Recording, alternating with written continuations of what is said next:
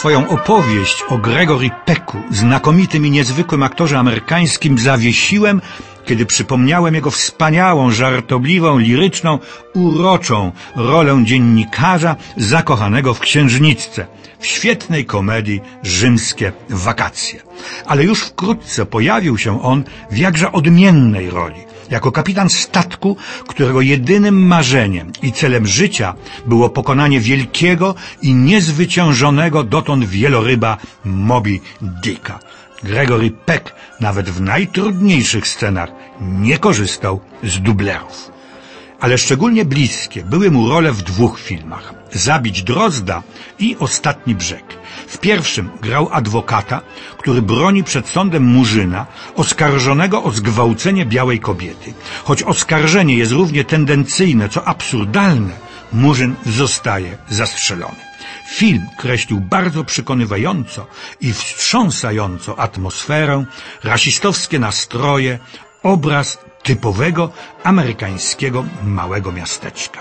Ale przede wszystkim los człowieka, adwokata, którego grał Gregory Peck i jego rodziny.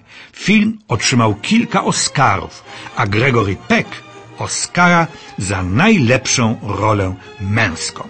On sam zaś powiedział, ta rola nie była dla mnie trudna, ponieważ cechy bohatera były mi bardzo bliskie. Grałem czystą emocją, bez żadnych gierek technicznych. Drugi film to Ostatni Brzeg. Gregory Peck grał dowódcę amerykańskiego okrętu podwodnego, a obraz pokazywał niszczycielskie skutki wojny nuklearnej. Ale wspominał on też inną rolę, którą grał. Doktora Mengele, anioła śmierci z obozu Auschwitz. Obrzydliwego potwora, jak mówił, jednego z najnikczemniejszych ludzi, jakich nosiła ziemia.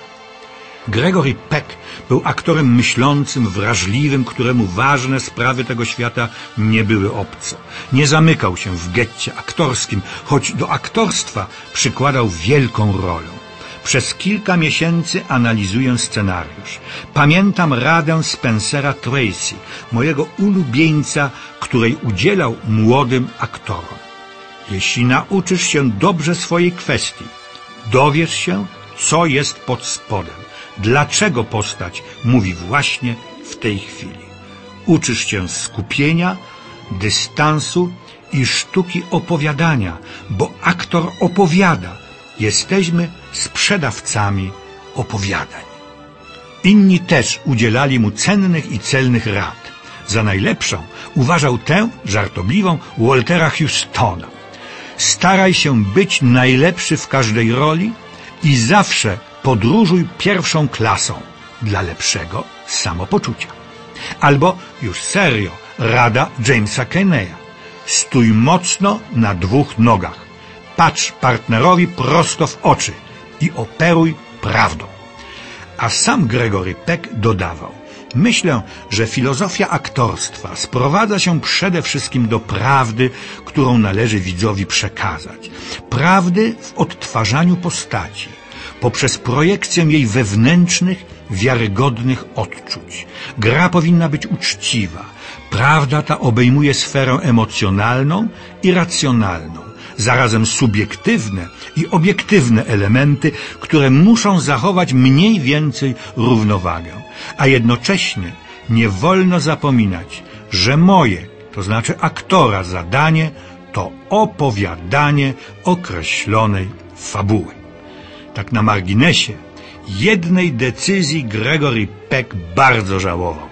Proponowano mu objęcie głównej roli w sławnym później westernie w samo południe. Odmówił.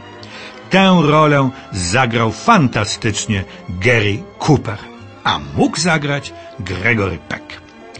Ale cieszył się on za swą prawość, prostolinijność, ogromnym szacunkiem. Był prezesem wielu organizacji, innymi Amerykańskiego Towarzystwa Nowotworowego. Dwukrotnie żonaty, miał pięcioro dzieci, został dziadkiem, co było dla niego ogromnym przeżyciem, ponieważ bardzo cenił życie rodzinne. Kiedy go zapytano, jak chciałby być wspominany, odpowiedział, jako dobry mąż, ojciec i dziadek a w sensie zawodowym jako dobry gawędziarz. Próżność sprawia, że aktor wierzy, że będzie zapamiętany, a jego praca będzie ceniona. A pożegnał się starym irlandzkim błogosławieństwem. Obyś miał zawsze jedzenie, ubranie i miękką poduszkę pod głową. I obyś spędził czterdzieści lat w niebie, zanim diabeł się zorientuje, że umarłeś.